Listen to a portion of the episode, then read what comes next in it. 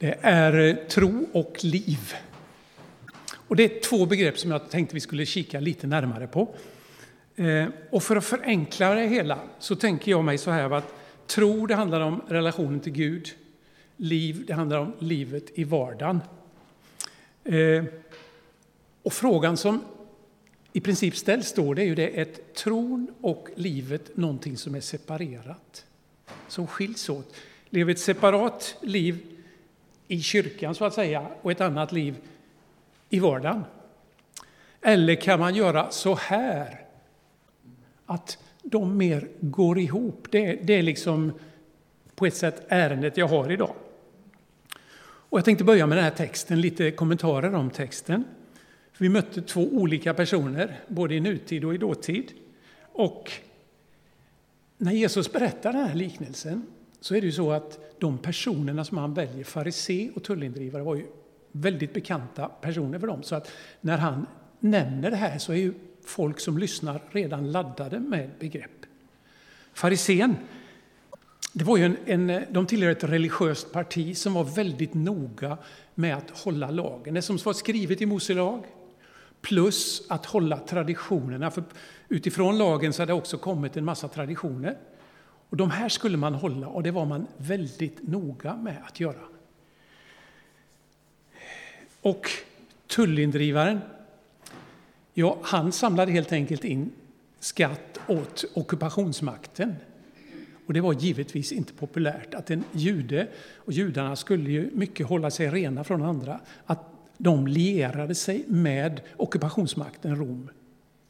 Och dessutom var det inte ovanligt att de tog lite extra för egen del. Alltså att en tullindrivare var en person som en normal jude inte gillade alls. Framförallt en farisé gillade inte. Och fariseerna kom ofta i konflikt med Jesus just på grund av sina traditioner. Sen kom fariseer och skriftlärda från Jerusalem fram till Jesus och sa Varför bryter dina lärjungar mot fädernas regler?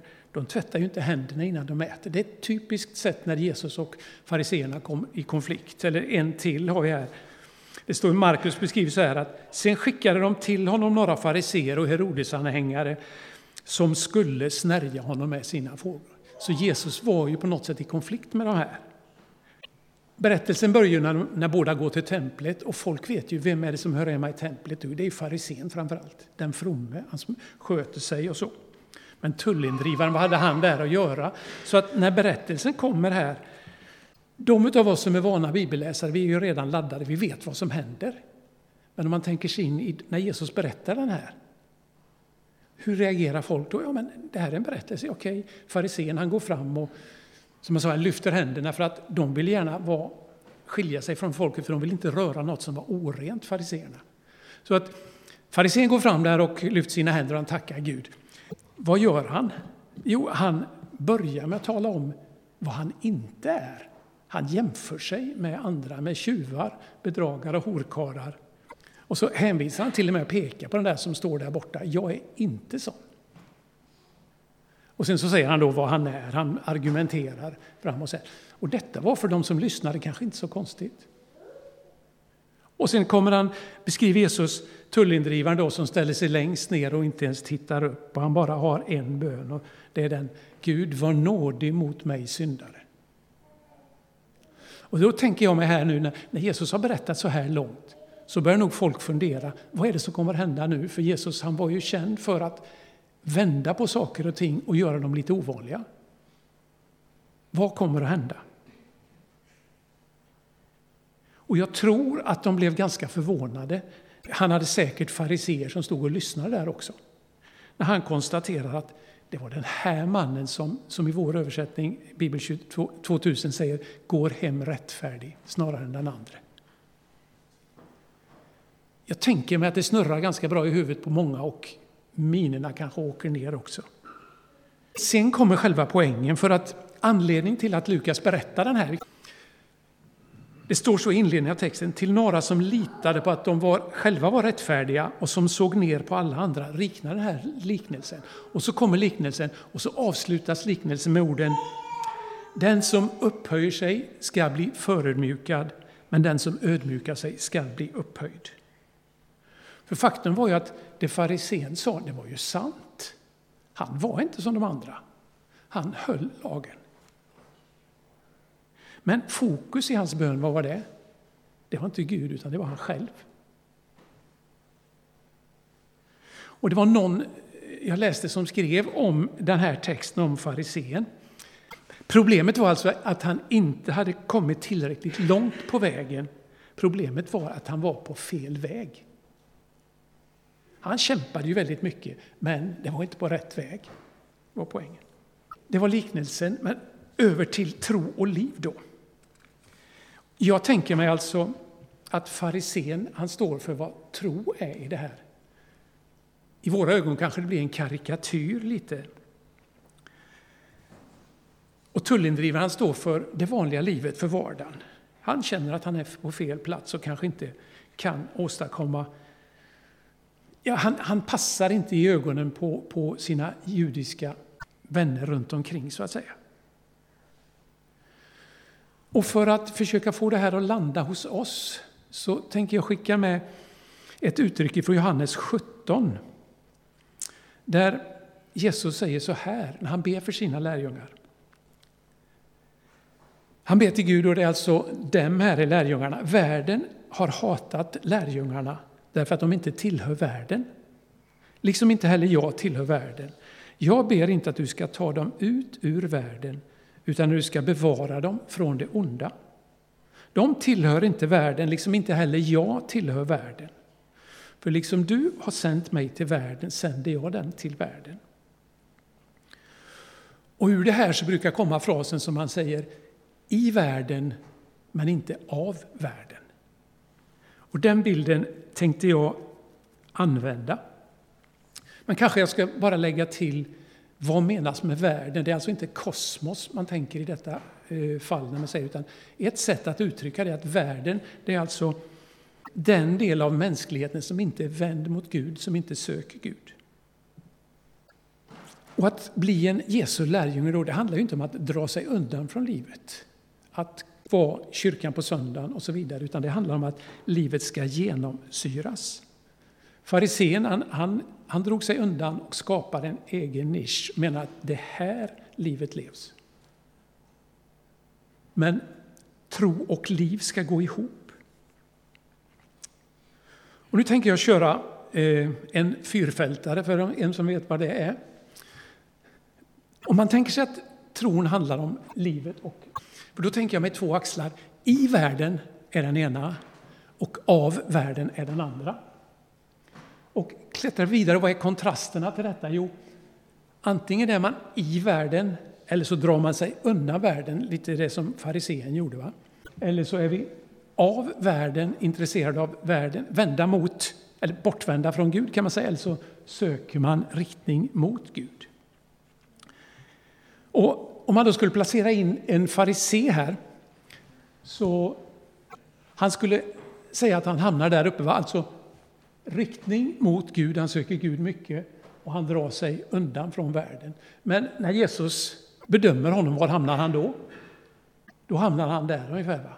Och tullindrivaren kan vi köra igenom snabbt här också. Var hamnar han någonstans? Jo, i människors ögon så är han där, han är, liksom, lever i världen och han lever ganska långt från Gud.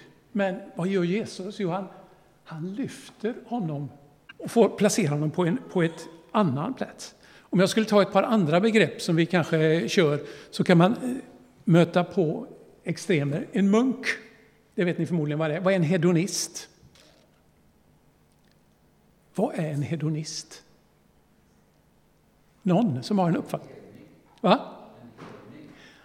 Nej, inget, inte hedning.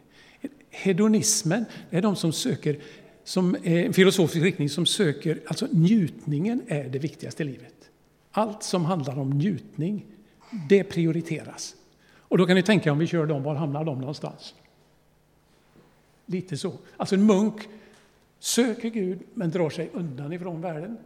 En hedonist han bryr sig inte om Gud, han söker njutning och vill ta vara på allt som finns. Frågan är, var placerar vi en lärjunge till Jesus då?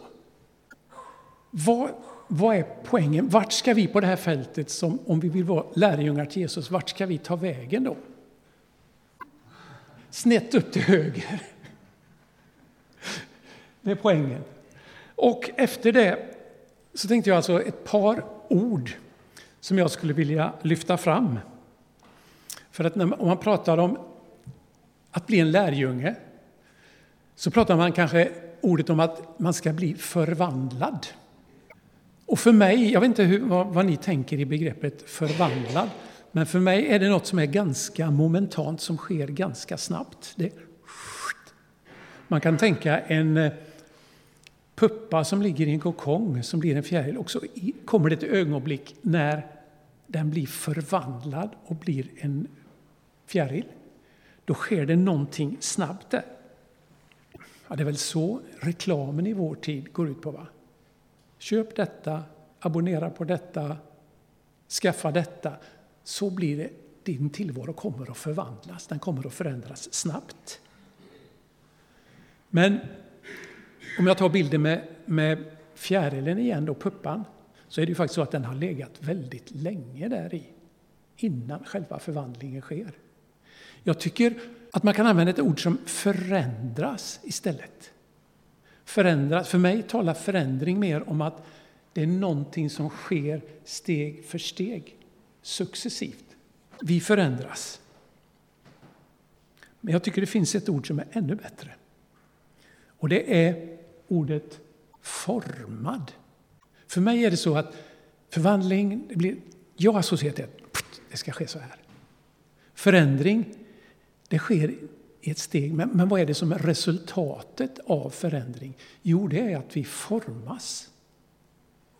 Och jag tror att när Jesus i missionsbefallningen säger till att gå ut och gör folk till lärjungar. Så är det inte så att för att man så att säga blir kristen, inom citationstecken, helt plötsligt förvandlas. Utan det, en, det, finns människor som livet vänder för på ett ögonblick. Men det normala är nog att vi förändras steg för steg, vi formas. Och det är väl det det handlar om i att vara en lärjunge. Man tänker på de första lärjungarna som levde med Jesus i tre år. De såg vad han gjorde, tog efter och de, deras liv formades av det här. Det finns ett väldigt vanligt begrepp i engelskan där man talar om spiritual formation. På svenska blir det lite knöligt med andlig formning. Det är inte, det är inte ett vanligt begrepp, men, men jag tror det är ett väldigt viktigt begrepp. Jag vet första gången jag hörde det här med för jag har läst en hel del om spiritual formation då, och, och på engelska. Som jag, sen så läste jag en bok som hade översatt det här till andlig formning och jag, jag liksom reagerade på det för jag tyckte det var så, lät så konstigt. Men eftersom det var ett tag sedan nu så har jag landat i att det här begreppet är viktigt och kanske behöver användas. Att vi formas utifrån vår efterföljelse till Jesus. Och det är ju så att alla, oavsett vem vi är, så formas vi ju. Frågan är ju bara, vad är det som formar oss? Vad är det vi tillåter forma oss? Och vänder vi det oss till, till oss som är lärjungar då, så, så blir ju frågan hur tar min kristna tro sig uttryck i vardagen? Alltså i, överallt, inte bara när jag är här i kyrkan, utan i vardagen. Hur kan jag låta mig formas så att jag lever ett naturligt liv där? Vågar jag lita på att Gud är med överallt? Vågar jag lita på att Gud är med även när jag möter stora svårigheter? Jag stötte på ett citat här i veckan som grep tag i mig. Det var ett samtal mellan några personer och en av dem han hade råkat ut för en väldigt svår situation. Och han kände att hur ska jag handskas med detta? Han var förtvivlad, han grät och så hörde han sig själv formulera det här till Gud. Jag vet att du är allt jag har. Men jag känner dig inte så väl att jag kan säga du är allt jag behöver. Den tål att tänka på. Jag vet att du är allt jag har. Men jag känner dig inte så väl så att jag kan säga att du är allt jag behöver. Den tog tag i mig för jag kände att det, det stämde i mitt liv. Det är lätt att säga att ja, okej, okay, jag tror på Gud, jag vet att det är Gud jag har, men att komma dit här att säga att du är allt jag behöver. Det är inte lätt att förändras. Det är inte lätt att formas. Det är inte lätt att vara övertygad om att Gud är med överallt i alla situationer. Men trots det så är det vår utmaning genom Jesus att våga lita på detta. Och det ska väl, bara för att illustrera det här lite så kan man ju säga att, att formas sker ju inte i ett steg eller i en rak riktning. Eh, jag tänkte mig så här. Hur kan det gå till? Här har vi en person som ska formas. Det går en bit så. Det händer någonting positivt kanske. Man kanske funkar så, men man kan behöva dra sig undan ibland.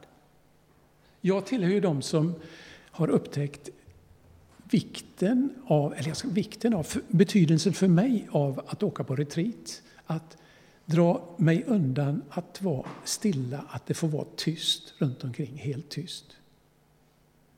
Det finns mycket som skalas bort i tystnaden. Och det kan behövas. Men sen så fortsätter livet och förhoppningsvis så går vi vidare och lever i världen. Det jag egentligen vill skicka med er idag då, begreppet är tro och liv. Hur funkar tron och livet? Kan vi få det att gå ihop? Kan det bli ett? Detta, detta är en, en eh, vers som i allra högsta grad kan vara en hjälp, en påminnelse om vad det handlar om. Paulus skriver, när han skriver till romarna, så skriver han så. Anpassa er inte efter denna världen, utan låt er förvandla, säger han, forma skulle man kunna säga, genom förnyelsen av era tankar. Så att ni kan avgöra vad som är Guds vilja. Det som är gott behagar honom och är fullkomligt. Och Det kan vara ganska utmanande. Paulus menar alltså att vi själva ska kunna avgöra vad som är Guds vilja, vad som är gott. Förvandlingen är en del där. Det är inte vi som förvandlas i passivum. Låt er förvandlas. Det är inte vi som gör förvandlingen, men vi ändå är med i processen. Men tillbaks då till tro och liv. Hur kan vi få de här att så att säga gå ihop och bli ett? Det är det det handlar om. Och den här resan är ju väldigt olika för oss alla. Jag skulle inte kunna stå här och säga hur du ska göra.